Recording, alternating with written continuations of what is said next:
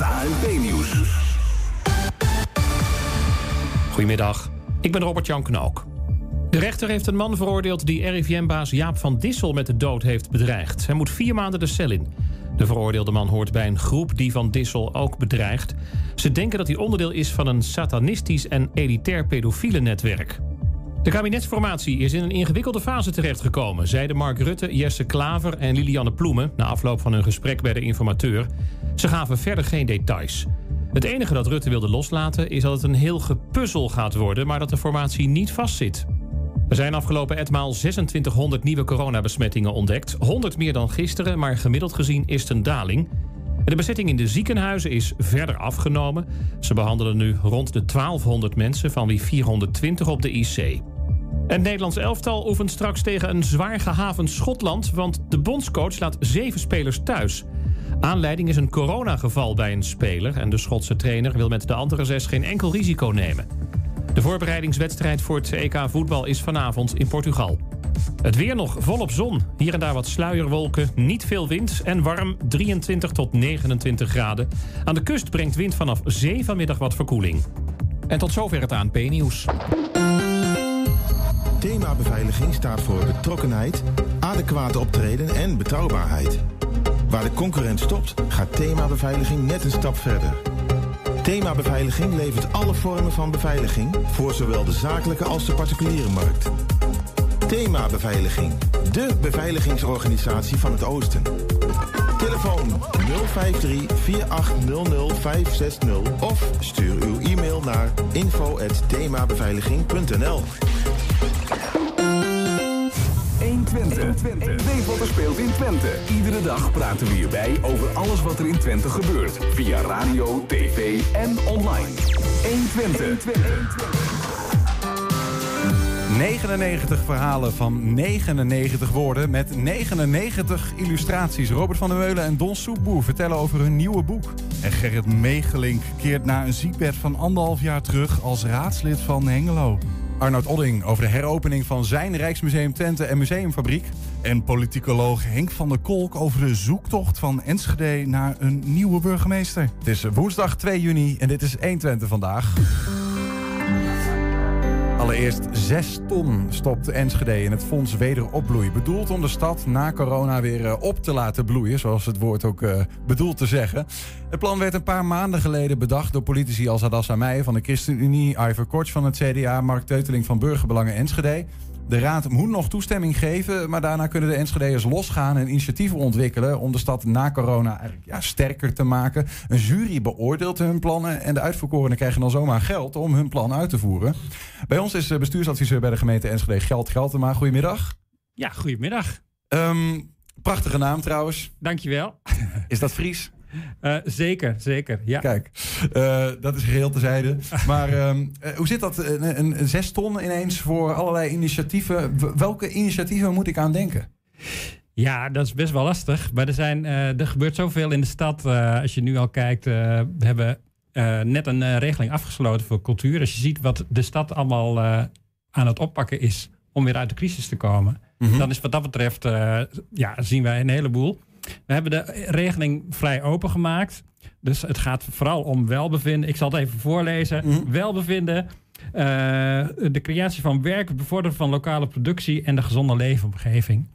En dan is het aan de stadsjury, precies zoals jij aangaf, uh, om te beoordelen welke uh, initiatieven een bijdrage kunnen krijgen van de nog, gemeente. Even nog één keer die opsomming. Welbevinden? Ja. Creëren van werk?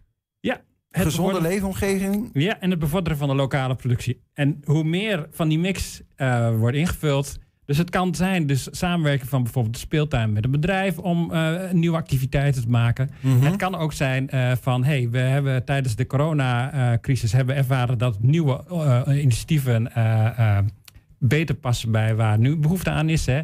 Ik kijk maar even naar mijn eigen uh, omgeving. Dat in één keer allerlei bedrijven veel meer uh, uh, via webshops leveren. Mm -hmm. Dat restaurants nu ook vasthouden aan het ophalen van diners en dat soort dingen. Ja. Dus mensen zijn allemaal aan het zoeken naar nieuwe mogelijkheden om hun diensten te verlenen. En er zijn ook afslagen genomen rondom de coronavirus.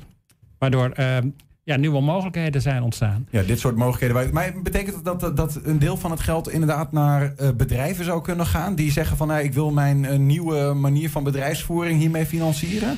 Nou, niet echt dat, want het gaat dan ook over welzijn en welbevinden. Dus, uh, maar wel in samenwerking met de wijk bijvoorbeeld. Als ze daar bijvoorbeeld een samenwerking zoeken waarbij mensen toch ook aan het werk komen, mm -hmm. dan kan dat wel. Ja, ja. Zeker. En, en dan gaat het erom dat mensen weer een beetje uit het slop geraken, zeg maar. Ja, en dat we met z'n allen zo snel mogelijk de coronacrisis in ieder geval ook het maatschappelijke en het economische aspect uh, achter ons kunnen ja. laten. Ik zoek toch nog, ook nog wat, naar wat, wat, wat meer concrete voorbeelden waar dat ja. geld dan voor. Wat even, wij dachten net op de redactie ook, er kwam iemand bij ons, zes ton. Ik wil wel graag, wij zitten vlakbij het, uh, het oude rampgebied hier op mm -hmm. Roombeek. Ja. Ik wil wel graag op dat grasveld een gigantisch zwembad, tijdelijk. Zeg maar even een opzet zwembad. Zou zo'n idee het kunnen halen? Ja, niet, want er wordt ook iets gezegd over duurzaamheid. Het moet wel iets hebben waardoor je ook langere tijd uh, daar genot van kunt hebben. Om maar heel chic te zeggen. Nee, maar het, bedoel, zoiets is heel kort en dan is het weer weg. Dus ja. dat zou veel meer bij een zomeractiviteit kunnen uh, uh, horen. Dus als het gaat om in hetzelfde voorbeeld van... hey, we hebben geconstateerd dat, in de, dat we veel te weinig beweegtoestellen in Roombeek hebben. Mm. En dat willen we op dat veldje zetten. Dan is dat wel een goed idee. Ja, okay. Dus op die manier, hè, dus dan heb je ook dus niet alleen deze zomer er genot van, maar ook uh, in de winter of in andere periodes. Ja. Dus dat zwembad, minder goed idee. Mm -hmm. Maar stel dat er beweegtoestellen zijn op dezelfde plek, zou een goed uh, iets wat, wat, wat blijvende impact heeft. Ja. Maar ik wil ook een beetje weg bij, blijven bij de voorbeelden, want ik kan wel dingen invullen. Ja. Maar ja, het is ook een beetje aan de jury, uh, stadsjury straks, om te beoordelen of dit een goed plan is in de algemene kaders die er zijn. Ja, want dat vond ik nog wel bijzonder. Er komen dus ne negen willekeurig gekozen Enschede'ers. Ja. En die gaan dan inderdaad als jury bepalen wat wel en waar geen geld naartoe gaat. Ja, dat klopt. Die, en die willekeurig is in zoverre... we proberen natuurlijk wel mensen daar uh, vanuit de stad te krijgen... die uh, verschillende, op verschillende manieren verbonden zijn binnen de stad met allerlei partijen. Dus dat Mhm. ze wel een beeldje, beetje beeld hebben bij welke initiatieven zouden er komen en hoe de maatschappij in de stad uh, een beetje.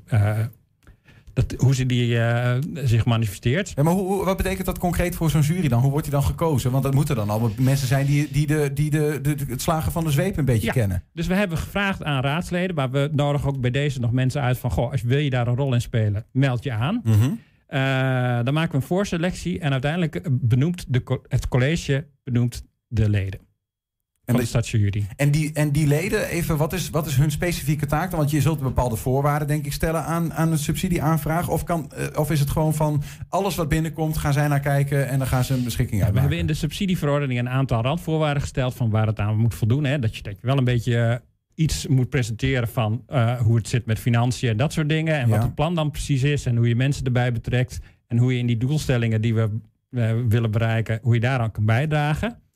Dat hoeft niet een enorm eh, uitgediept en eh, geweldig plan te zijn. Want Mhm. daarnaast is er nog een presentatie aan de stadsjury.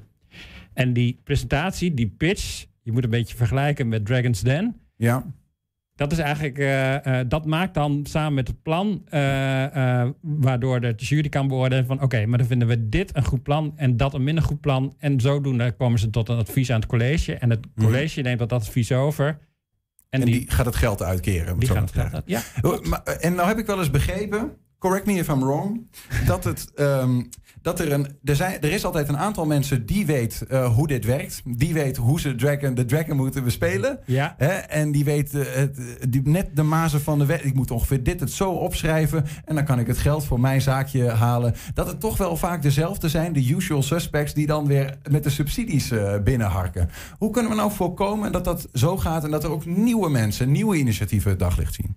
Ja, we hebben dus de, de mogelijkheden om in te schrijven vrij ruim gemaakt. Dus het is niet heel specifiek, eh, zo, en, zodat je een beetje de maas op moet zoeken. Eh, die usual suspects zullen zeker komen. Daar, dat zijn we ook niet bang voor. En dat geeft ook niet, hè, want ze hebben ook goede ideeën. Dus Ja. dat is niet erg. Aan de andere kant hebben we de regeling zodanig laagdrempelig gemaakt... dat ook gewoon de anderen eh, in de stad die met het initiatief zitten...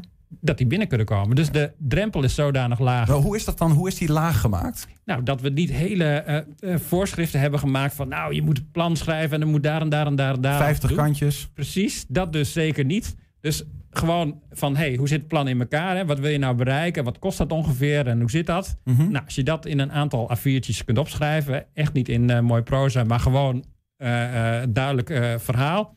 En dat dan in een pitch toelicht. Dat is wat nodig is. En kan het maar zo zijn als ik nou eh, een aanvraag doe en die is zo goed dat ik die, al die zes ton binnenhark? Of zit dan nog weer, wat, zit, er- wat, wat zijn daar eigenlijk de kaders in? Hoeveel initiatieven gaan jullie eigenlijk belonen? Ja, dat is een goede vraag. Dat hangt er ook vanaf wat er binnenkomt natuurlijk. We hebben ook bedacht om het in een aantal rondes te doen. Want ehm, ja, de eerste start, tenminste precies zoals je hebt aangegeven... als de raad het eh, nog goedkeurt voor de zomer... eh, vanaf 1 augustus gaan we het per kwartaal gaan we een aantal rondes doen... om eh, eh, de bedragen toe te kennen. Hoeveel rondes? In totaal vier. En dan gaat het om een, eh, een bedrag van 135.000 per ronde. Nou, het kan zijn dat de stadsjury zegt van... hé, hey, maar nou hebben we een heel goed idee... wat zoveel eh, goeds doet aan de stad. Die 135 gaat naar dat idee. Dat zou kunnen. Dat zou kunnen dat de stadsjury dat zegt. Ik denk, verwacht zelf eerder dat het veel meer aan wat kleinere eh, zaken eh, wordt toegewezen. Want in die zin hebben we wel gezegd van nou, hou nou een richtlijn aan. Max 25.000 voor een natuurlijke persoon. Dus voor eh, jij en ik als je dat aanvraagt. En 50.000 aan verenigingen of bedrijven of dat soort partijen. Ja. Dus dat hebben we wel meegegeven om te voorkomen dat met een paar grote slagen dat je dat geld dan kwijt bent. Want wij denken zelf dat als je in eh, kleine eh, bedragen bijdraagt, dat de stad ook zelf aan de slag gaat om eh, geld te genereren. Waarom eigenlijk die vier rondes van 135.000 per ronde? Ja, omdat niet alle ideeën morgen binnen zijn en morgen ontstaan. Dus ik verwacht zelf ook van, nou ja, in het najaar zijn er weer mensen die zeggen, maar ja, wacht even, Mhm. wij zien nieuwe mogelijkheden, wij gaan ermee aan de slag. Wa- Waar hoopt de stad eigenlijk op met dit hele initiatief? Wat is nou. ehm, wat zou eigenlijk het ultieme eh, einddoel zijn, de droom van dit hele geheel? Ja, de droom is eigenlijk, dit bedrag veel meer bedoeld als opstart. Maar dat eh, de kracht van de stad zich toont. En dat we weer, net zoals bijvoorbeeld met de vuurwerkramp. Dat we deze eh, ramp achter ons kunnen laten. En dat we leren van wat we, we hebben ervaren. En dat we nieuwe eh, wegen inslaan. En gewoon eh, ja, weer een bloeiende economie. Maar ook eh, maatschappelijk welbevinden bevorderen. Ja. Dus dat we gewoon weer een stapje verder komen. En waar is Enschede dan eigenlijk goed in? Of is dat een hele moeilijke vraag? Wat, wat verwacht je eigenlijk? Wat, voor, wat, voor een, wat, wat leeft er in onze Enschedeërs eh, wat wij gaan aanbrengen aan? Of, Ja. wil, of durf je daar weer niet helemaal naartoe te gaan? Jawel, jawel. Nee, maar het punt is van hoe lang heb je? Want ja, waar is Enschede goed in? Ik loop al even een tijdje mee. Ja, er gebeurt zoveel. Ehm, in verenigingen, eh, initiatiefnemers. Ehm, ja, we hebben af- afgelopen zomer ook een aantal uitzendingen eh, eh, gedraaid met initiatieven. Ja, dat- wat dat betreft verwacht ik gewoon heel veel. En er gebeurt gewoon heel veel in Enschede. Want ja, de, de sociale cohesie is best wel groot. Mensen weten elkaar te vinden. Verenigingsleven is sterk en innovatief.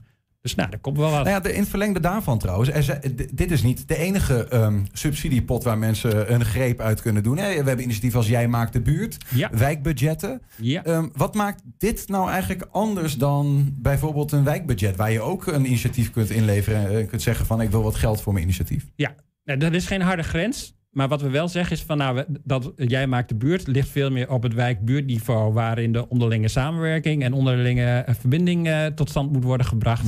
Dit gaat in principe wel een stapje verder en het gaat ook over economie en het gaat ook over eh, lokale productie, dat soort dingen. Ja. Dat gaat voor jij maakt de buurt, geldt dat weer niet. Ja.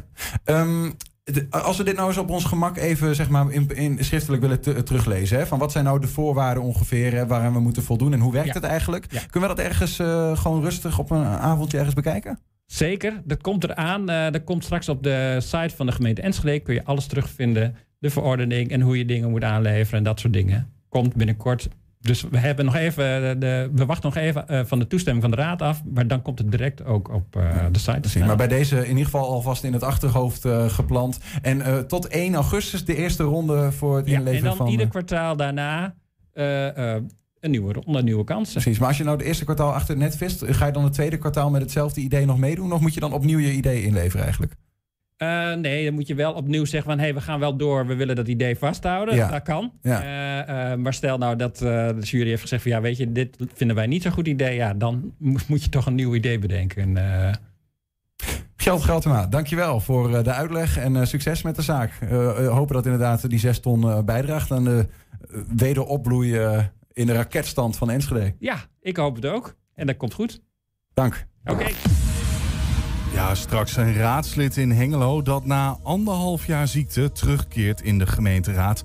Maar eerst naar iets anders, want 99 verhalen van 99 woorden met 99 illustraties. Dat is de nieuwe bundel die Robert van der Meulen samen met illustrator Don Soepoer gisteren bij boekhandel Broekhuis presenteerde. Onder leiding van Marion Kok konden er 30 mensen aanwezig zijn die het boekje dan ook direct konden oppikken. Bij ons in de studio zijn beide heren onder aanleiding van aanvoering van Niels Seurink hopelijk in iets meer dan 99 woorden. Ja, Julian. Dat hoop ik ook. Dat, het, dat, het, dat dit in uh, iets uh, meer dan 99 woorden kan. Want anders wordt het een heel kort verhaal. Robert en Don, welkom. Dank je, dank je. Dank je wel. Ik, uh, Robert, je, we kennen jou natuurlijk van de, van de columns bij ons in het programma ook. En toen ik dacht 99 woorden, de meestal duren de columns voor Robert iets langer. Ze zijn wat ruimer, hè? Ja. Dus dit is een hele andere ja. discipline die je hier hebt gepakt. Ja, dit is een totaal andere discipline. Ja, dat brengt ook uitdagingen met zich mee, denk ik, hè? Ja, zeker. Het is, kijk, veel schrijven gaat makkelijker dan weinig schrijven. Dat is de paradox. Ik ben met een column sneller klaar dan met een 99, uh, met 99 woorden. Ik ben ontzettend benieuwd wat, ja. wat, dat dan in de praktijk betekent. Hoe je dan zit te zweten ja. aan je keukentafeltje of waar je dan ook schrijft. Maar eerst even naar, ja. naar gisteren, Don, uh, jullie, jullie boekpresentatie bij, uh, de, bij, bij de boekhandel. Ja. Hoe was dat? Nou, dat was fantastisch. Het was echt een feestje. Ja, dat was bij Boekhandel Broekhuis hier in uh, Enschede. En uh, 30 man volle bak, maar er kwamen er nog meer bij. Dus het was uh, goed uit, stijf uitverkocht. Ja, ja, ja. dat is dan wel weer positief aan coronatijd. Dat je gewoon met 30 man, hupsakee. Huppa. Ja. dat was heel goed. En, en de reacties van, van mensen? Ja, reacties waren lovend. We hadden een prachtige muzikant erbij, Hans Martin. Die -hmm. flamenco muziek ja, hij is speelde. geweest, ja. Nou, Robert heeft een verhaal gedaan, ik heb een verhaal gedaan. En bovenal heeft Marion Kok van de Twentse Krantje Bansja... De boeken die heeft, die heeft het eerste boek uh, aan ons overhandigd, ja? officieel. En Robert Beerding van uh, van de uitgeverij, die was er. Die heeft nog een woordje gedaan. En drankje achteraf, het was uh, top. Het was zoals het uh, bijna als vanouds. Vind ik, zoals ja, het hoort. Ja. Ja. Hey Robert, um, ja. 99 verhalen uh, in 99 woorden. 99, van waar die 99? Ja, dat is een leuk verhaal eigenlijk wel. Dat, we, dat, we, dat is niet van mij gekomen. Uh, er was een, een online uh, uh, site, die hadden dat thema. Doe eens iets in, onder de 100 woorden, een UKV. Een zogenaamd ultrakort verhaal. Maximaal 99 woorden. Nou ja, dan ben ik ook alweer zo, dan haal ik het maximale eruit. Hè? dus dat werden 99 woorden. En uh, dat plaatste ik en dat viel goed. Waar plaatste je dat? Op dat online platform. Ja, ja. Dat viel erg goed. En uh, toen ben ik wat meer van die dingen gaan schrijven. En uh, uiteindelijk uh, heeft de krant zich gemeld. Van dat is een leuk idee voor, voor, voor, voor, om dat in de krant te plaatsen. Ik zei dat wil ik wel, maar dan wil ik wel een geoormerkt plekje. Ja, dus dat is dan de zaterdageditie geworden. En dat, uh, dat, dat, schept dan ook, dat schept de verplichting dan ook om elke week zo'n ding te leveren. Natuurlijk. Elke zaterdag, elke zaterdag heb jij uh, een plekje ja. voor uh, precies ja. 99 woorden. Exact, tel ze na zou ik zeggen. ja, echt die uitdaging. maar dat, zit je dan zelf ook inderdaad telkens met je vingertje erbij? Of heb je inmiddels Word die dat voor je nee, doet? Nee, ik tel met de vinger. Ja? nee, nee. nee. nee het, is, het is een prachtig... Word heeft natuurlijk een mooi telprogramma. En een enkele keer is het wel zo dat je net op 101 komt of zo. En dan een heel enkele keer denk je van vrek, daar kan, er, daar kan er geen een meer uit. Dan bestaat er nog zoiets als een koppelteken. Hè? Dat is ook wel handig. Uh, ja. ben je. Nou ja, dat is... Dat is tellen leestekens mee? Nee, die tellen niet mee. Nee, nee. Dus je, ah, kan, ja. je, hebt een, je hebt een marge, laat ik maar zeggen. Ja, ja. Nou goed, ik streef ernaar om, om precies te zijn in de leer. Om exact 99 uh, woorden te gebruiken. Maar is, is het wel, hoeveel verhalen heb je in, de, in, die, in die tijd geschreven? Zijn dat deze 99 of nog veel meer? Nee, ik heb getel maar uit. Ik heb in ieder geval voor de krant heb ik uh, langer dan drie, drieënhalf jaar nu, wekelijks. Uh, en daarnaast wat ik er zo nog bij maak. 3 keer 50, 150, ja, iets meer? Ik, nou, ik denk dat ik er wat ruim 200 heb inmiddels. Maar is het die keren wel eens voorgekomen dat je, dat je zeg maar, zodanig in de knoei kwam met die 99... dat je, dat je denkt van ja, er komt mijn hele essentie van mijn verhaal bewijzen van er niet meer goed uit? Of, of hangt het niet zo erg? Nee, nee, nee. nee. Het, Het is natuurlijk wel zo, je moet wel een klein beetje inspiratie hebben. Maar inspiratie ligt ook wel op straat. Ik ben ook wel een beetje een, een, een kijker, hè, een observator. En uh, ja, dat kan ik vaak gelukkig wat mee. Is het actueel, vaak, de, uh, het verhaal van die zaak? Nou ja, het is altijd actueel, maar het kan wel een aantal jaren geleden zijn gebeurd. Ja, dus, wat, wat, wat, ja ik snap het. Ja, snap en dat je? komt het in één keer weer bij je op. Uh, bijvoorbeeld de fietspomp die we eerder hebben gehad. Ja, dat was een grote column. um, geen 99 woorden. nee, nee. Maar het Nee, laat, laat ik naar Don gaan. Op een gegeven moment komt, komt Robert bij jou. En, ja. uh, en hoe kennen jullie elkaar trouwens? Ja. Um, in september ongeveer, vorig jaar. Toen uh, kreeg ik een telefoontje van Robert, uh, of een, een, een, appje. Aan de hand van een tekeningetje wat ik had gemaakt van een, een kroeg in Enschede van het bolwerk. Mm -hmm. En um, dat tekenstijltje, dat vond hij, net als gelukkig vele anderen, een fijn stijltje een nonchalant stijltje. Waarvan hij zei, dat past bij de verhalen die ik schrijf. Vind jij dat ook? Nou, dus uh, ik, ik, ging kijken en ik kende ze al wel, hè, maar niet allemaal. Maar uh, uh, toen zei hij van, eh, er wordt mij gevraagd... en ik, ik ben het van plan ook om een bundel te maken... van de columns die ik op zaterdag eh, in de krant heb. Mm -hmm. Vind je het leuk om daar aan mee te werken of mee te doen? Ik zei, ja goed, dat lijkt mij leuk. Want het zijn onderwerpen die gewoon nou, van alle dag zijn... En uh, toen zijn we eruit gekomen dat we het samen zouden gaan doen. Hè? Dus niet uh, Robert schrijft en ik illustreer zijn verhaaltjes. Mm -hmm. maar het is meer een samenwerkingsverband geworden. Zo van, ja. wat gaan we doen? we gaan verhalen schrijven, maar jij maakt de tekeningen... maar wel de verhalen waarvan jij denkt ehm, dat dat goed matcht. Jij bent dus eigenlijk bij al die 99 verhalen... voordat de eerste letter op papier werd gezet, bij je erbij geweest? Ja. Van, van het eerste ja. begin. Dat wil zeggen, vanaf het moment dat hij zei van... Uh, wat voel je ervoor? Vanaf september verleden jaar. Ja. ja. En uh, ja, ik wil er even op inhaken. Het is synergie, hè? De, de som is meer dan de delen. Uh, als je de verhalen apart leest, zijn ze appetijtelijk, hoop ik in ieder geval. Mm -hmm. Zie je de, de, tekeningen alleen, zijn ze zeer appetijtelijk. Maar zie je ze samen, is het fantastisch. Ja. Het, het, geeft een, een, hele fijne synergie en meerwaarde aan het... Uh... We gaan zo meteen naar een ja. voorbeeld uh, luisteren. Ja. Je okay. hebt een voorbeeld meegenomen. Uh, ja, nou, ik, ik ga het wel voorlezen. Voorlezen bedoel je? Nou ja, precies. Okay. maar voordat je dat doet, want, want Don zegt ook al van ja, een beetje een nonchalante schrijfstijl of verhaaltje. Is dat wat het doet? Want uiteindelijk, zo'n kort verhaal, ultrakort, dat doet iets denk ik met, met een verhaal. Of hoe het overkomt, of wat dan ook. Wat kun je daarover zeggen? Ja, het is, uh, kijk, de bedoeling is natuurlijk om mensen te raken. Uh, uh, maar die 99 kan je wellicht zeggen dat ze heel beeldend zijn. Dat, geloof ik ook wel. Ze zijn van nature beeldend. als je het leest, heb je meteen een beeld bij. het is niet dat je, dat, dat je tekst moet vertalen naar, mm -hmm. naar, naar beeld. Je ziet het eigenlijk gelijk wel voor je. Kijk, en, de, de, even, ja. sorry, de, ja. de verhalen ja. zijn op zich niet nonchalant. Het ging eigenlijk om de nonchalante tekenstijl die he, van mij die ja. hem aansprak zo. Ja. om ja. bij te voegen bij zijn verhaal. Ja. Dus dat, wat je net zag, het tekeningetje van de, de cover, of deze eigenlijk... dan zie je dus dat dit, uh, hier, dit hier gaat het om. Dat ja, misschien kunnen we even de cover weer even tevoorschijn halen, ja. jongens. Uh, ik weet niet of dat uh, wordt gehoord. Het stond er hiervoor, één hiervoor. Dan, uh, ja, dit is hem. Ja, ja dat, dat is hem. Ja. Kijk, dus um, dat is ook wel leuk om te vertellen, als ik tijd heb. Ja, dan ga je gang deze tekeningetjes die zijn gemaakt op um, klein formaat, 8 bij 8 En dat zijn de welbekende post-it. De, de, de, ja, hoe noemen ze de, de, de, de de ja, die plak, drie, uh, plak, plak, ja. post-its. Geeltjes. Ja. Geeltjes, ja. Geeltjes. Ja. En um, daar doe ik iets mee. Die bewerk ik een beetje. En daarna ga ik daarmee aan de slag uh, met het pennetje, met inkt. En dan komen de kleuren daar later bij. Maar het uh, grappige wil dat tijdens het, het werken daaraan... vloeit het hier en daar een beetje uit en zo. En dat maakt het nonchalant. Dus uh, uh, iets, te ha iets harder drukken op een lijntje zwart...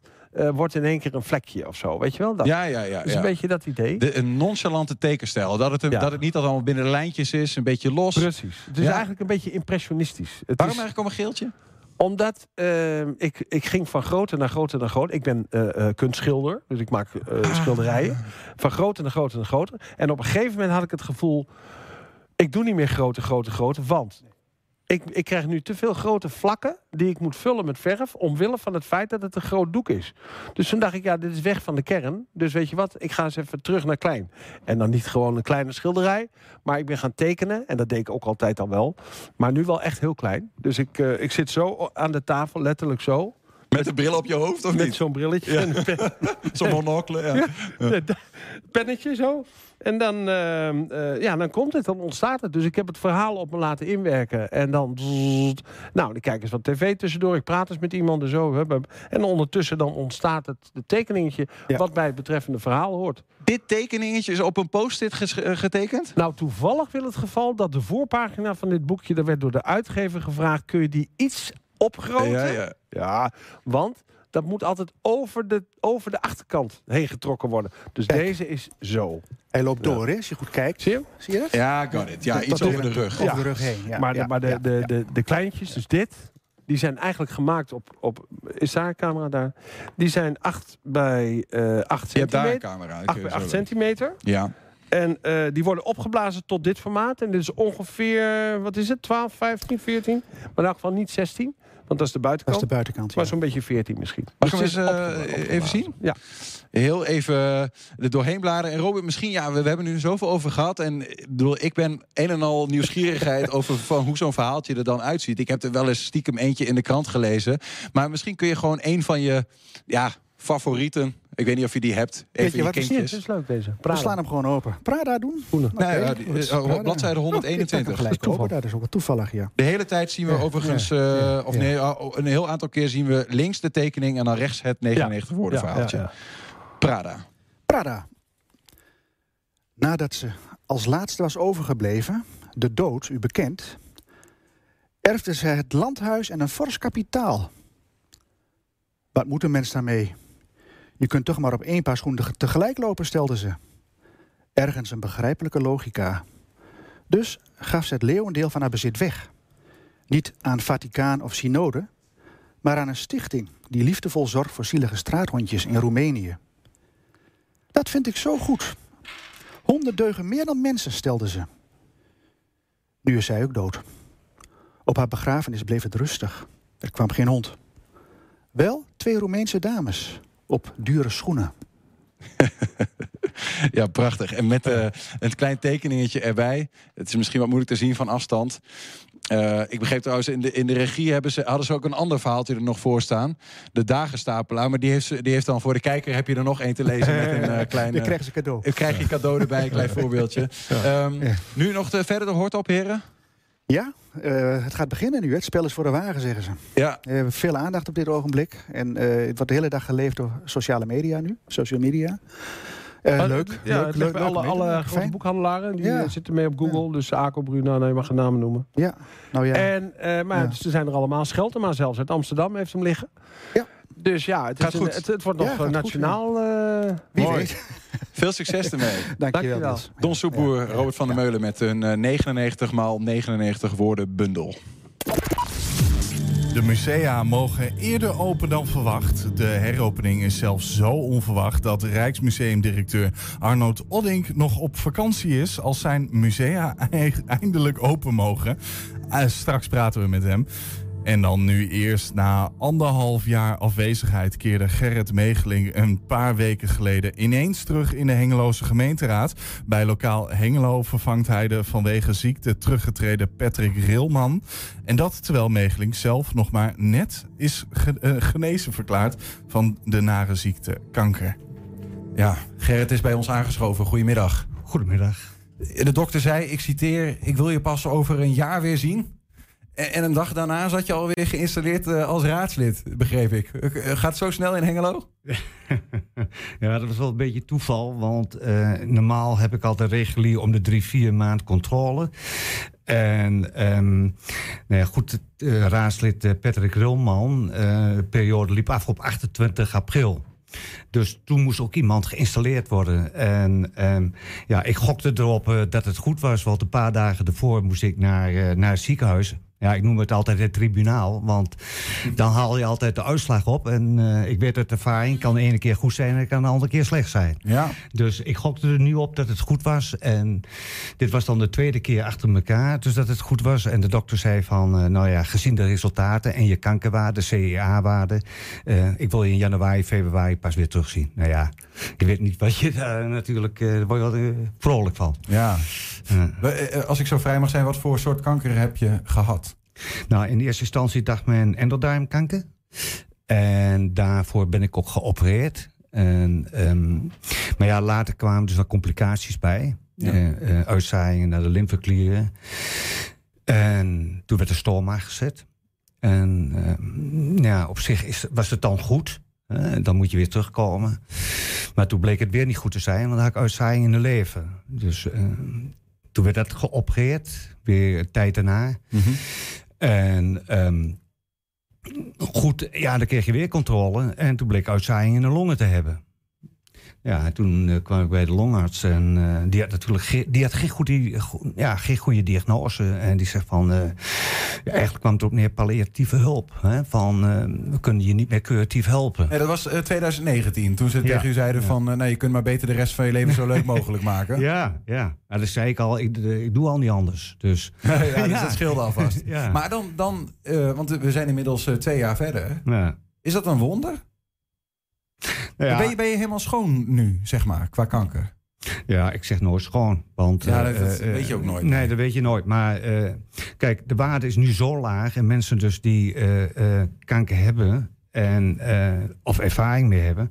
Ik, eh, ik zit nu op 2,6 kankerwaarde, CA-waarde. Nou, dat is bijzonder laag. Ja. Want criteria is eh, v- 5,0. Hè, als je- maar eh, ja, het ziet er bijzonder goed uit. Mhm. En, ehm, ja, en ik ben natuurlijk ook heel blij dat ik in een hele korte periode, relatief korte periode, dus al die operaties hebben kunnen doen. Want eh, dan moet je lichaam moet je wel tegen bestand zijn. En je moet een goed weerstandsvermogen hebben. Je moet eh, conditioneel goed zijn. Want eh, heel vaak na een operatie krijg je een dubbele longontsteking. Hè? En moet ik weer kunnen pareren. Ja. Ja, en zo zijn er natuurlijk wel meer eh, hobbels die je moet nemen. Maar vooral ook mentaal. Is het, eh, hoe, hoe, wat heeft het voor jou eh, als persoon eh, meegebracht? Eh, ben je er... eh, Is het, is het vooral een mokerslag dat je zoiets als je zoiets meemaakt? Of, of haal je er ook nog iets positiefs uit als je nu kijkt naar de toekomst en dat hopelijk zonder kanker blijft? Nou ja, je wordt er in één keer mee verrast. Hè? Je had een volksonderzoek en, ehm, ja, en je wordt onderzocht. En ze zeggen, ja meneer, u kunt blijven, want eh, je hebt een tumor. Hè? Nou ja, dat is, dat is wel inderdaad de mokerslag. En de andere kant, ja, na verloop van tijd... ehm, ga je de wereld toch wel een beetje anders bekijken. De mensen anders bekijken. Mhm. En eh, je wordt wel nog relaxter. En eh, ja, En toch ook gewoon besloten om weer dat raadswerk eh, op te pakken. Ja, maar dat is natuurlijk. eh, eh, ik ben een jongen van de stad. Ik woon in de stad. Ik zie elke dag mensen. Ook toen ik eh erg ziek was, kwamen heel vaak mensen. vergeet niet. En ja, verschrikkelijk mooi natuurlijk. Want in de tijd dat ik ziek was, hoe vaak dat raadsleden wel niet bij me kwamen thuis. Op belletje deden, of de wethouder. Burgemeester kwam nog langs. Dus je hebt toch ook wel heel veel steun. Je houdt toch min of meer ook wel contact met die raad. En ehm, ja, goed. En toen werd een. eh, iemand anders bij ons in, bij lokaal Hengelo werd toen ziek. En toen vroeg men van, eh, ja, we willen toch wel graag als je terugkwam. Hè? En ja, dan moet je natuurlijk ook thuis even goed overleggen, met de doktoren overleggen. En eh, ja, dan ga je natuurlijk een klein beetje nu met de rem erop. eh, tot, tot van zomer even kijken hoe het gaat. En dan proberen dan nog meer energie erin te stoppen. Maar ja, goed, dat is even afwachten. Dus het is nu eigenlijk tot de zomer even kijken hoe het gaat. Want wat, wat zegt de thuisfront dan bijvoorbeeld? Zeggen ze van nou, eh, eh, een beetje voorzichtig. Ben je iemand die snel te hard gaat of niet? Ja, heel snel. Ja. Ja, kom, je probeert perfectionistisch te zijn, altijd goed te doen. En ehm, nou ja, goed, ik, ik maak het sowieso af tot volgend jaar maart. dat, eh, en dan zijn de verkiezingen. Ja. En ik sluit ook niet uit hoor dat ik niet verder ga. Dat zou zomaar kunnen. Maar thuis was natuurlijk wel een hobbel wat je moet overwinnen. Ja. Want eh, mensen dus die kanker hebben, en ehm, die hebben het niet alleen. Je, ja, in dit geval, eh, mijn vriendin, die, eh, ja, die moet het ook trekken. Hè? Want die gaat ook over me heen, naar de doktoren. Dus je hebt het niet alleen. Dus eigenlijk je hele gezin. Dus die heeft dan ook wel een hele grote stem in gehad als ik terugkwam of niet. Wat dacht ze van, eh, ja, nou, nou, nou, nou heb ik je weer hier en dan ga je weer eh, de hort op voor de raad? Ja, maar goed. Ze weet hoe ik in elkaar Ja, zit, ja. dus, eh. Want dat is even voor, je, voor, voor de mensen die jou niet kennen als persoon. lange tijd ondernemer geweest, hè? Ja. Café, uitbater, Ja. bijvoorbeeld. Ja. Eh, Duitsland, liefhebber, lange tijd in Bad Bentheim gewoond. Klopt. V- vertel eens, wie, wie is Gerrit in een notendop? Nou ja, goed. eh, ik heb in horeca gezeten. En ja, ik denk, eh, daar word je streetwise. Daar, da- daar leer je echt mensenkennis eh, op doen. En niks ten nadele van ander werk hoor. Maar daar leer je echt hoe de wereld een beetje in elkaar zit, zeg maar. In de horeca. In de horeca, ja. ja. En, ehm, maar goed, toen die tijd ben ik naar Bentheim gegaan. Ehm, mijn vrouw, die wou daar graag heen. Maar helaas, eh, ja, na, na een jaar werd zij ook terminaal. En ze is ook aan kanker gestorven. Het is nu al twintig jaar geleden. En eh, nou ja, goed, het, dat wordt weer een heel, heel ander verhaal Mm, natuurlijk. mm. En, ehm, maar er was het één ding, ik wil heel snel weer terug naar Hengelo, zo snel mogelijk. Ja, toen deed zich de mogelijkheid voor eh, om, om iets te kopen weer in Hengelo. En dat heb ik toen gedaan. Maar ja, goed, ik ben het type, ik hou van sport, ik hou van voetbal. Ja, Goed ik heb een jaarkaart, jaarkaart bij Twente, Ja, noem ja, maar op. eh, eh, eh, ik mag graag op het terrasje zitten. Dus ja, wat iedereen doet. En ik loop elke dag 10 kilometer. Nou ja, dat is dus dat vond ik nog ook wel een bijzonder ding. Want dat doe je dus al 20 jaar. Ja, ja. Elke dag. Ja, zoals vanmorgen dan tien over zeven. Dan, dan ga ik weg. En dan kom ik tegen een uur of negen ben ik thuis. En dan loop ik een kilometer of tien. En dat doe ik al twintig jaar. En, en ja, dat geeft niet alleen eh, lichamelijk word je er sterker van, maar geestelijk. Je, je kunt heel veel dingen. eh, Je bent alleen, hè? Dan denk je na nou, over de gekste dingen. Eh, ook wat die dag gebeurt, of hoe zou ik dit aanpakken, of zou ik dat aanpakken, problemen die er komen. Ja, ik vind het gewoon een verrijking. Het mini-pelgrimstochten bijna, als ik dat zo hoor. Veel eh, nadenken. Ja, en, ja, ja. Jongen, jongen, 20 jaar lang. Ja, zou, je, zou je dat aanraden aan, aan iedereen? Omdat het Ja, elke dag... eh, heerlijk, heerlijk, heerlijk. Ja, ja ik heb, eh, toen ik in Bentheim woonde, eh, eh, deed ik het altijd met een buurman van mij. mhm. En dan, die kon niet altijd, dus ik liep ook vaak alleen. En dat is net de juiste mix, want ja, ik zou er niet aan moeten denken om met een groep te gaan lopen. Daar ben ik geen type voor. Ik ben, ik, ja, ik ben geen eh, type die... eh, ja, dan moet ik me weer aanpassen. Ik moet mijn eigen tempo doen, een beetje vlot tempo. Ik heb bepaalde routes Mhm. die ik loop. En eh, ja, ben ik nieuwsgierig in Hengelo. Hey, wordt daar gebouwd of wordt daar gebouwd? Dan wil ik even kijken wat er gebeurt. Mhm. En ja, en veelal ga ik, eh, kom het altijd uit ongeveer bij, eh, bij het Veldwerkstadion, het PK-stadion. Waar Twente dan traint. En toen er nog geen corona was, dan sluit ik daar af om even de training bij Twente te kijken. Kijk, half kijk, uurtje. als toetje. Ja. Zeg, maar je bent 71, heb ik me laten vertellen. Ja. hè? ja nog jong genoeg. Maar nou heb je, ben je pas sinds 2018 eh, raadslid geworden in Ja. Hengelo. Ja. Dat is best wel een soort van laat. Eh, was dat een soort van logisch vervolg vanuit dat streetwise leven in de horeca dat je dacht... en nou ga ik zelf aan de knoppen zitten of zo? ja, misschien. Ja, dat weet ik niet zo. Maar het kwam eigenlijk per toeval. Eh, had ook weer met, met het zakelijk iets te doen. En ehm, ik was het niet eens ehm, met bepaalde beslissing van het college. Toen heb ik een zienswijze gemaakt, heb ik alle eh, raadsleden toegestuurd. En ik heb een inspreektijd aangevraagd.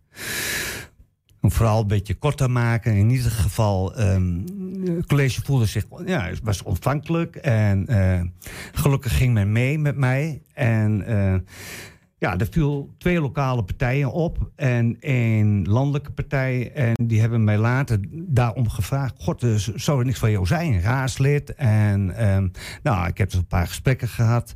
En toen heeft uiteindelijk eh, Leo Jansen, die nog steeds in de raad zit, en eh, Edwin Oude-Middendorp, waar, die was de voorzitter van Lokaal Hengelo. En daar heb ik een, eh, nog een gesprek mee gehad. En ja, die gaf me zoveel overtuiging. En toen heb ik dat gedaan. Maar gewoon in het blauwe hinein, zeg maar. Ja. Kijken wat wordt. Ja, kijken wat, Ja. wat wordt, ja. Ja, en nu, nu eh, eh, tot slot dan. je, je, je, je zegt wel van... Hè, het- het moet ook wel een beetje met, beetje met de handrem erop tot aan de, tot aan de zomer. Maar heb je wel dingen waarvan je zegt van... ja, dit is voor mij wel een belangrijk dossier. Hier ga ik me in ieder geval wel even op storten de komende tijd. Ja, dat is binnenstad. In Hengelo moet natuurlijk wat aan gebeuren. Eh, En ik moet echt zeggen, eh, ik heb het laatste interview gegeven. En we hebben gelukkig nu een goed college, goede binnenstadswethouders. die eh, de taal van de ondernemer spreken. En ja, zo ben ik ook weer. Want normaal zeggen ze dan, oppositie moet je juist allemaal tegenin zijn. Maar als iemand iets goed doet, dan doet hij dat goed. En zij doen het goed bijna revolutionair voor Hengelo. Hè, Hengelo wint. Eh, kan nog een onsje meer, zeg ik. Eh, eh, maar goed, eh, ze zijn op de goede weg. En uh, dat mag ook wel eens gezegd worden. En nou, dat heeft mijn specifieke aandacht. En sport. Want sport, ja, dat is, kijk, Hengelo die heeft uh, een Twentebad, is 10, 12 miljoen in geïnvesteerd. 50 meter, uh, 50 meter bad. Ja, er gebeurt niks. Dan, als, je, als je iets maakt, dan moet je ook iets doen. Uh, FC Twente traint, uh, traint, daar. We hebben de topsportlocatie voor de Twentse jeugd. En met Herakles en FC Twente. Mm -hmm. Nou, dit moet je mooi stand-alone maken. Een mooie uitstraling. Ja, want de goedkoopste, goedkoopste city marketing voor een stad is nog steeds topsport. Eh, dus ja, dat zeg ik dan niet, maar dat zeggen onderzoeksbureaus.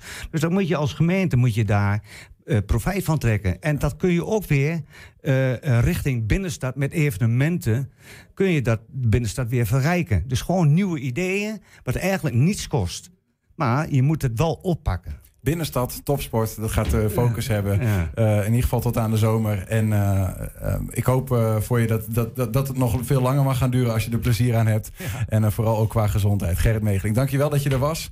En ehm, goed dat je, dat je beter bent en houden zo zou ik zeggen. En dank je dat ik hier weer, mocht wezen. Graag gedaan. Ja, Enschede moet op zoek naar een nieuwe burgemeester... nu Onno van Veldhuis heeft laten weten te stoppen. Maar hoe werkt die zoektocht eigenlijk? Straks praten we erover met politicoloog Henk van der Kolk... Eerst, uh, eerst, naar Rijksmuseum Twente en de museumfabriek. Die zwaaien de deuren weer open. Vanaf zaterdag is het zover. De lakens kunnen weer van de beelden en uh, schilderijen in het Rijks. In de museumfabriek gaan de wonderkammers open. Eindelijk. En eerder dan gedacht. Directeur Arnold Odding is er zelfs uh, zodanig door overvallen dat hij al een vakantie had gepland. Denken dat het nog wel kon. Maar ja, hij is toch nog even hier uh, vlak voordat hij gaat om uh, tijd voor ons te maken. Dank daarvoor. Welkom Arnoud. Ja, dankjewel. Leuk om hier te zijn. Het mag weer, hè? Heel, heel obligaat misschien zo'n vraag, maar hoe is dat? Nou, het is wel gek hoor. Het is een beetje roestig is het. Want we zijn een half jaar dicht geweest. En we hebben zoveel dingen hebben veranderd. En we hebben zoveel tentoonstellingen vernieuwd. En, en ook achter de schermen is zoveel vernieuwd aan systemen. En allemaal dingen waar het publiek gewoon helemaal uh, nooit uh, mee te maken krijgt. Maar voor ons is dat heel erg spannend. Omdat we ja, eigenlijk het gevoel hebben dat we twee musea even helemaal voor het eerst gaan openen. In plaats van uh, dat, uh, ja, dat het uh, twee musea zijn die jaren achtereen open zijn geweest. Voelt het echt zo alsof je, gewoon, alsof je niet een heropening, maar een opening hebt? Het is een soort van complete nieuwe opening voor ons. Zo voelt het wel inderdaad, ja. Misschien dat ja, overdrijf ik, ja, misschien een heel klein beetje, maar ook weer niet. Ja. Het is wel een beetje roestig in ieder geval. We wat leeft er dan? Weer leren. Wat leeft er? Nou, bij jou horen we dat al wel een beetje, maar ook bij, bij de medewerkers is het ook echt dat gevoel van ja, weet je, op het moment dat, uh, uh, dat, dat de berichten binnen gaan komen dat we weer open mogen. Um, we hebben allemaal van die appgroepen hè, met, met managementteam en met de afdeling publiek en weet ik wat allemaal. En uh, op het moment dat dat binnenkomt, exploderen al die appgroepen van jippie, we mogen weer open, hoera, wat fijn. Zo gaat het echt. Hoeveel mensen letterlijk. werken er voor mijn beeld even bij, bij een Rijksmuseum en, of wij, Museumfabriek? We werken bij uh, Rijksmuseum Twente en Museumfabriek samen. zijn twee musea, werken uh, uh, tegen de 50 mensen hebben met een betaalde baan. Maar we hebben ook 200 vrijwilligers. Dus het is echt een flinke organisatie die ja, betrokken is en, mm -hmm. en, en ja, weer dolgraag aan het, aan het werk wil gaan. Ja. En dan, um, wat ik ervan begreep, 9 juni zouden de musea open gaan en in één keer werd dat 5 juni. Ja, ja, ja. Nou ja, het, het, het, uh, eerst zouden we, zouden we in april open gaan. Toen zouden we in mei open gaan. Toen zouden we ergens uh, uh, uh, in de loop van juni open gaan. Toen werd het 9 juni en uiteindelijk werd het weer 5 juni. En um, ik had vorig jaar heb ik al een paar keer mijn vakantie moeten opzeggen. En op een gegeven moment dacht ik van ja, weet je, ik ga, gewoon, ik ga nu gewoon boeken. Um, in Nederland een aantal dingen. Ik ben onder handbereik als het nodig is. En we hebben ook afgesproken dat op zaterdag, de eerste dag dat we open zijn, dat we na afloop gaan we virtueel op afstand van elkaar gaan we wel even het glas heffen om even te vieren dat we er met z'n allen weer, uh, weer staan. Toch wel, maar baal je niet stiekem ook dat je dan nu gewoon niet zaterdag erbij bent? Uiteraard. uiteraard. Maar ja, aan de andere kant um, uh, sta ik daar met mijn telefoontje te zoomen of te teamsen of te weet ik wat ergens aan het -hmm. strand van Ameland.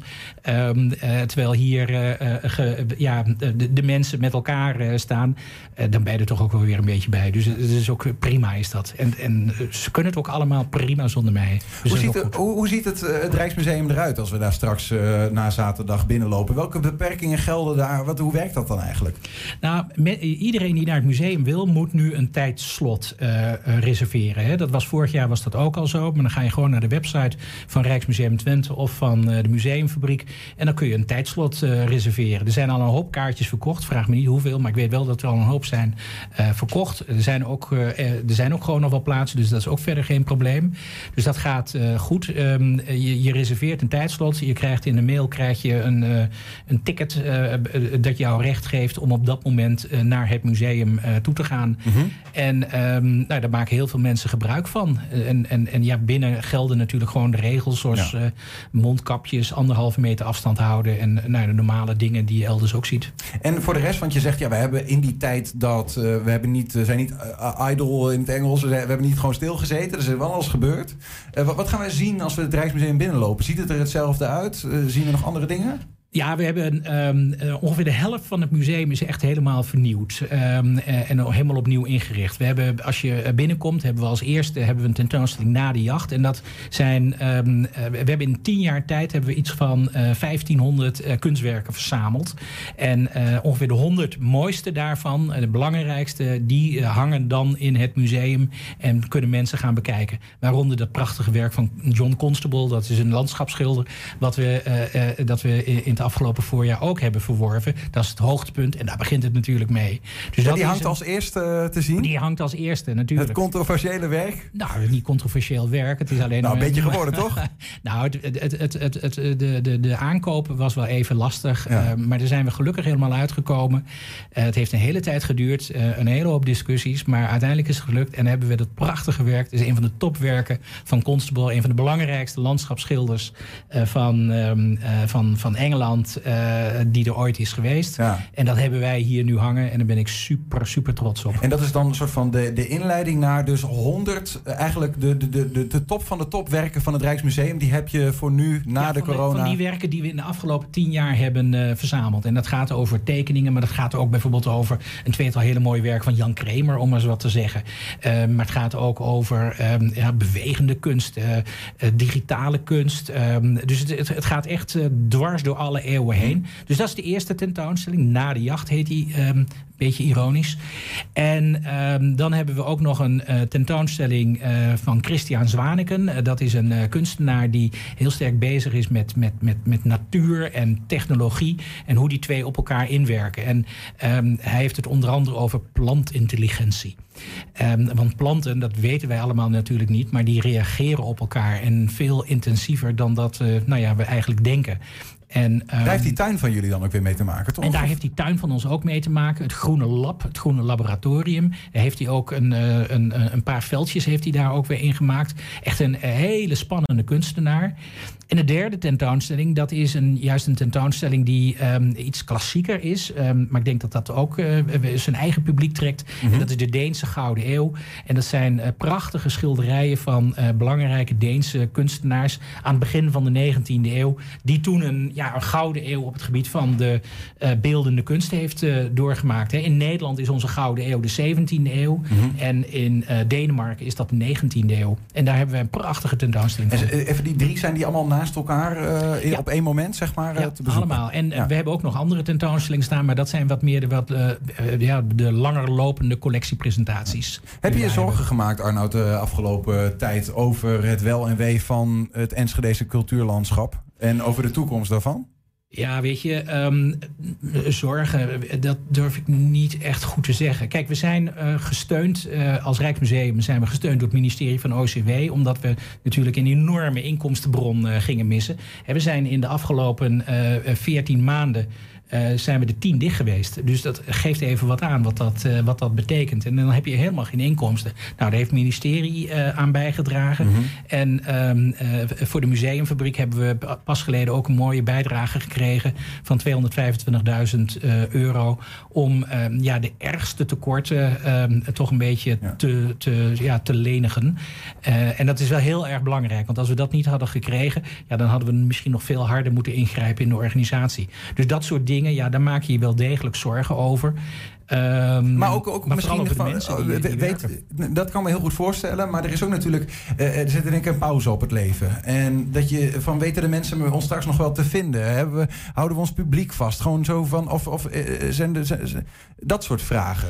Ja, nou die vraag die, die, die, die, is er natuurlijk altijd wel. Eh, aan de andere kant, eh, ja, een beetje, tegelijkertijd maak ik me ook niet zoveel zorgen over. Want er zijn heel veel mensen die ook eh, juist zoiets hebben. Oh mijn hemel, wanneer mogen we weer? Er zijn heel veel mensen die dolgraag weer willen. En het zal best wel zijn dat, ehm, dat, dat, dat er ook een aantal mensen het een beetje ja, in hun achterhoofd kwijt zijn geraakt, ergens of zo, verloren. Ehm, maar ja, dat komt dan vanzelf alweer. Maar die mensen die, die het liefste willen, die komen dan als eerste. En dan, eh, ja, dan denk ik dat het wel weer gaat lopen. Veel Ik weet dat er een aantal andere museumdirecteuren zijn die er wat eh, eh, pessimistischer over zijn. Maar Ja? ehm, ik, ik, ik ben er wel redelijk positief over, altijd optimistisch Wat, over. wat zeggen zij dan? Die- Nou, er zijn veel mensen die bang zijn dat het publiek toch een beetje verleerd is om naar het museum te komen. Tegelijkertijd denk ik ook dat het meevalt. Want ik hoorde van de week, we hebben in Nederland een museumkaart. En er zijn 1,4 miljoen mensen die een museumkaart hebben. En daarmee kun je dus gratis naar alle musea in, eh, in Nederland. En dat is in het afgelopen jaar, doordat het zo dicht zit, is het afgenomen van 1,4 naar 1,3 miljoen. En dan denk ik, nou, dat is minder dan 10 procent. Dat valt nog wel mee. Dat vind ik nog wel meevallen. Dus Ja. met een beetje geluk eh, eh, en we doen hard ons best, dan eh, zitten we zo weer op die 1,4 miljoen. Dus ik ben optimistisch gestemd. Rijksmuseum hebben we gehad. We, we hebben nog heel korte tijd museumfabriek. Wat valt daar nog over te zeggen? Is, nog, is daar ook een en ander nog aan huishouding geweest? Ja, bij de museumfabriek hebben we eigenlijk nog veel meer op de kop gezet. We hebben de introductiezaal. daar is een hele grote bol. Er is een soort van digitale presentatie zit erop om uit te leggen waar dit museum over gaat en wat je allemaal voor leuke dingen daar kunt zien. We hebben in de grote pakloods, eh, daar hebben we wonderkammers, eh, waarin we combinaties van, van objecten, van natuur, cultuur, heden, verleden, toekomst, et cetera, eh, hebben, hebben liggen. Gaan we morgen een kijkje nemen? Zo, En- en- wij, daar maken een ga je reportage een over. kijkje nemen. Ja. Waanzinnig interessant. Daar hebben we ook een paar hebben we ervan vernieuwd. En, we gaan, en we hebben ook nog eens een keertje een heel groot collectiecentrum vernieuwd. Waar mensen kunnen zien hoe me- vrijwilligers voor het, voor- met onze collectie bezig zijn. Hoe vrijwilligers bijvoorbeeld met eh, onze collectie vlinders bezig zijn. Om die te bewaren, om die te, te, te, te- te conserveren, te registreren. Mhm. En dat is ongelooflijk leuk, omdat je daarmee een kijkje hebt achter het museum. En natuurlijk ehm, ja, de, de, de, de makerspace zelf, waar mensen echt aan het werk kunnen. We hebben het een paar jaar geleden hebben we het museumfabriek. De museumfabriek, genoemd, ja. Omdat het een plek is waar je moet doen, waar je aan het werk moet eh, gaan. En ik denk dat we met name in het afgelopen half jaar de belangrijkste stappen hebben gezet om te kunnen laten zien eh, dat een museumfabriek echt een fabriek is en waar je aan het werk mag. Ben je ook stiekem, nog heel kort dan, afgelopen tijd... eh, nagedacht over de toekomst en over hoe Enschede en musea op een nog hoger plan worden getild? Ja, dat is hetgene waar je voortdurend mee bezig bent geweest. We hebben een heel mooi transformatieplan daarvoor bedacht. We hebben allemaal hele ambitieuze ideeën over. Maar één van de dingen die ik er nog uit zou kunnen halen... is dat we bezig zijn met de zogeheten Academie van Verbeelding. Waarbij we met, met groepen jongeren, met eh, groepen mensen uit de samenleving... samen activiteiten eh, eh, gaan programmeren. Ehm, wij gaan hen vragen wat zij willen. En met hen gaan we dan hele mooie programma's maken... over workshops en lezingen en bijeenkomsten en noem het allemaal maar op. Ehm, dus we zijn heel sterk die musea binnenste buiten aan het keren. De samenleving naar binnen en de musea naar buiten. We gaan buiten spelen. Dat is een eh, heel belangrijk onderdeel eh, van de musea in de komende tijd. De Academie van Verbeelding. Nou, die verbeelding die, eh, die heb je straks niet meer nodig als je lekker op Ameland zit. Dan kun je lekker de bootjes omhoog doen. Oh ja, of juist wel. Arnold Odding, dank voor, voor je komst. En veel plezier op vakantie. En ook veel plezier aankomende zaterdag op afstand... bij die heropening van het Rijksmuseum en de Museumfabriek. Dank je wel. Het gaat mooi worden. Ja, heb je nog een tip voor de redactie? Kun je dat even sturen naar het mailadres info.120.nl. Zo kun jij als luisteraar of kijker ons ook op de hoogte stellen van al het nieuws in uw stad. Dan, Enschede zoekt een nieuwe burgemeester. Twee weken geleden dropte de huidige Onno van Veldhuizen namelijk een bommetje. Hij gaat stoppen. Dat verraste vriend, vijand en zelfs de commissie die bezig was met zijn herbenoeming. Hij zou namelijk in oktober zijn tweede termijn van zes jaar beginnen. En nu moet de stad dus op zoek naar een ander. Maar hoe werkt dat eigenlijk? We gaan daarover praten met eh politicoloog Henk van der Kolk. Goedemiddag Henk. Goeiedag. Welkom terug. ja. Ja, eerder zat je hier om te praten over je coronaliedjes. Ja. Eh, maar we gaan het over iets heel anders Heel hebben. serieus onderwerp vandaag. Ehm, hoe komt het nieuws dat zo'n burgemeester stopt en dat er dus een nieuwe gezocht moet worden binnen bij een politicoloog? Anders dan bij eh, iemand als ik, die geen politicoloog is? Nou, niet zo heel bijzonder. Gewoon, er komt weer een baan vrij. Ik ben benieuwd wie ze gaan selecteren. Eh, en ik ben dan wel geïnteresseerd in eh, hoe het proces gaat verlopen. Dus welke mensen er in de commissie komen straks om die benoeming voor te bereiden. Maar verder is het nou niet zo, zo dat ik daar 's s'nachts wakker van ga liggen. Nee, nee, nee. Nou ja, even om dat te duiden, want je bent politicoloog. Een bekend politicoloog, ons bekend, zei ooit... politicologie is onderzoek doen naar hoe we met elkaar besluiten nemen. Ja. Weet je wie dat heeft gezegd? Nou, ik zelf zou het gezegd kunnen Ja, hebben. Ja, want toen we Onder van Veldhuizen vonden, daarvoor ging Ja. er ook, was ook een zoektocht. En toen hadden wij een programma daaraan gewijd, 0350 zoekt. En toen eh, noemde jij dat zo even. Maar valt dit besluit van hè, ehm, hoe, m, hoe zoeken we nou met elkaar een nieuwe burgemeester, valt dat dan ook onder die wetenschap van politicologie? Zeker.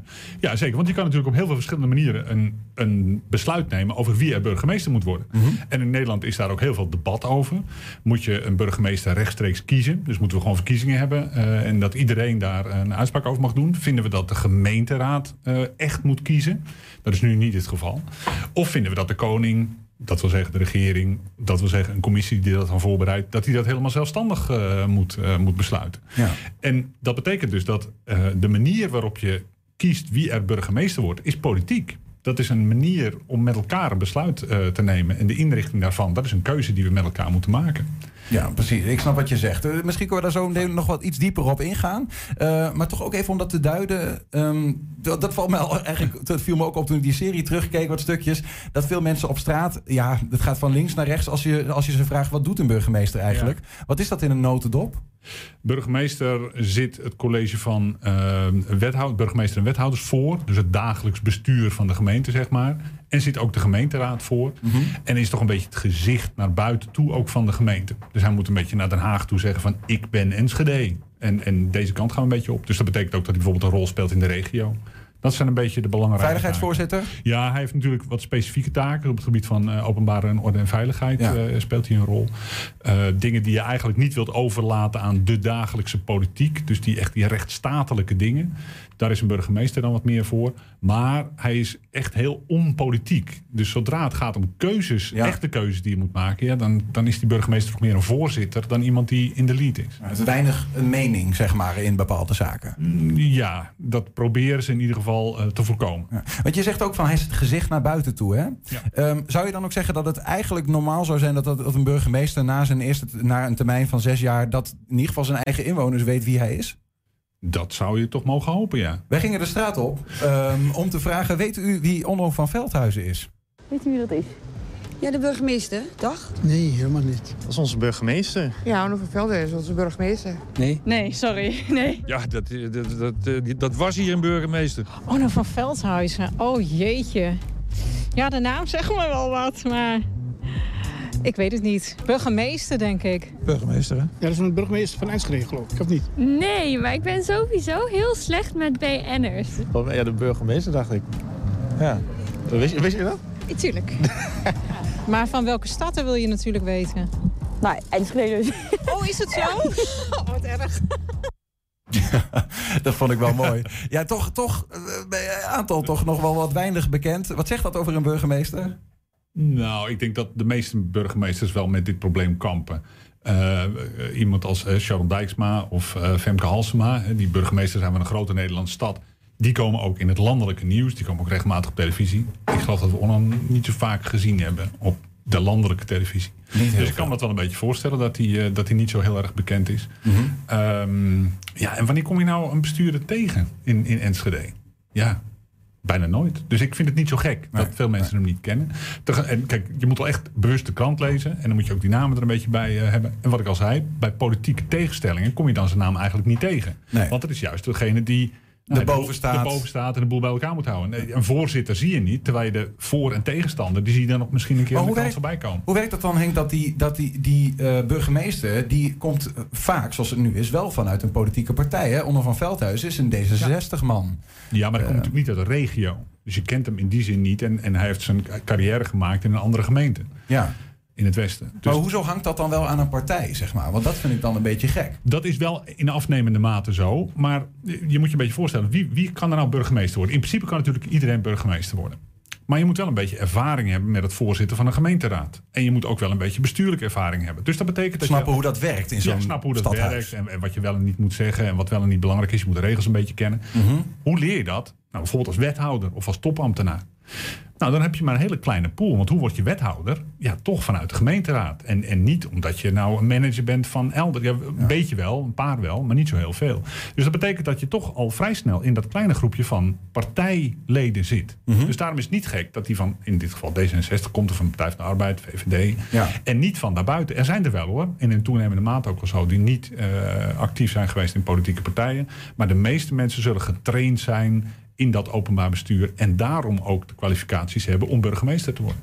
Onno van Veldhuizen die, die stopt er in ieder geval mee na deze termijn. 1 oktober moet er dan een nieuwe burgemeester zijn, denk ik, van Enschede. Nou, Of misschien niet. is daar Ja, dat zal wel wat langer duren. Dat proces dat duurt wel een paar maanden langer. Want kun, kun je eh, vertellen, hoe, hoe gaat zo? Wat, wat, waar zijn ze dan nu mee bezig? Nu is er een commissie. Wat gaat er nu gebeuren tot aan die tijd? Is, is de commissie er al? Ja, er is in ieder geval er was een herbenoemingscommissie. Ja. En die zegt nu van ja, misschien worden wij nu wel de benoemingscommissie. Maar dat is nog onduidelijk volgens mij. Dus er is nog niet eens echt officieel een, een commissie. En ik kan me voorstellen dat de mensen die eerst zeiden van nou, die herbenoeming, dat geloven we wel. Eh, ga jij maar in die commissie zitten. Mhm. Dat nu anderen denken, eh, ja, maar zo'n ander hebben, dan wil ik wel graag in die commissie zitten. Dus het is nog geen gelopen race wie er vanuit de gemeenteraad in de commissie gaat Zelfs zitten. die commissie wordt, wordt democratisch besloten Ja, dan? dat doet de gemeenteraad zelf. De gemeenteraad besluit wie er in die commissie zitten. Dus vanuit elke partij, of in ieder geval vanuit de meeste partijen, een afvaardiging. En dat moet dan weer niet te groot worden. Ik weet niet precies wat ze gaan besluiten. Ja.